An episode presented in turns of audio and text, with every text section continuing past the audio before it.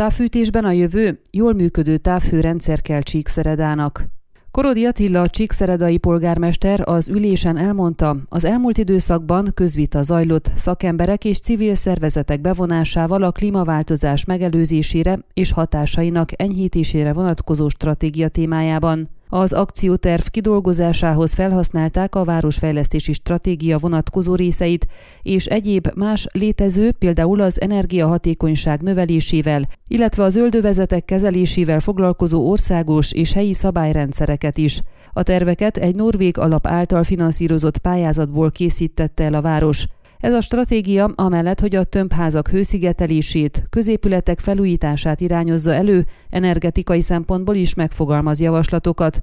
Ugyanakkor számos más javaslat között, például árvízvédelmi intézkedések, az esővíz elvezető rendszer felújításához szükséges beruházások és az élőhelyek védelme is szerepel a dokumentumban, sorolta a városvezető. Az akcióterv szerint a Goszkom távhőszolgáltatónak tovább kell üzemelnie, a kazánházak korszerűsítéséhez pedig pályázna a jövőben a város, amennyiben bevezetnek olyan Európai Uniós alapú kormányzati szabályozást, amely az egyéni kiskazánok visszaszorítását írja elő, akkor a városnak tudnia kell erre válaszolni, és készen kell állnia egy jól működő távhőrendszerrel, magyarázta Korodi. A stratégiában ezek mellett célkitűzés az üvegházhatású gázok kibocsátásának csökkentése is, a polgármester ugyanakkor fontosnak tartotta kiemelni, úgy állították össze a dokumentációt, hogy figyelembe vették, a városnak nagy szüksége van az iparfejlesztésre és az összeomlott gazdaságának újjáépítésére. Az önkormányzati képviselők ülésén továbbá módosították Csíkszereda költségvetését azzal a céllal,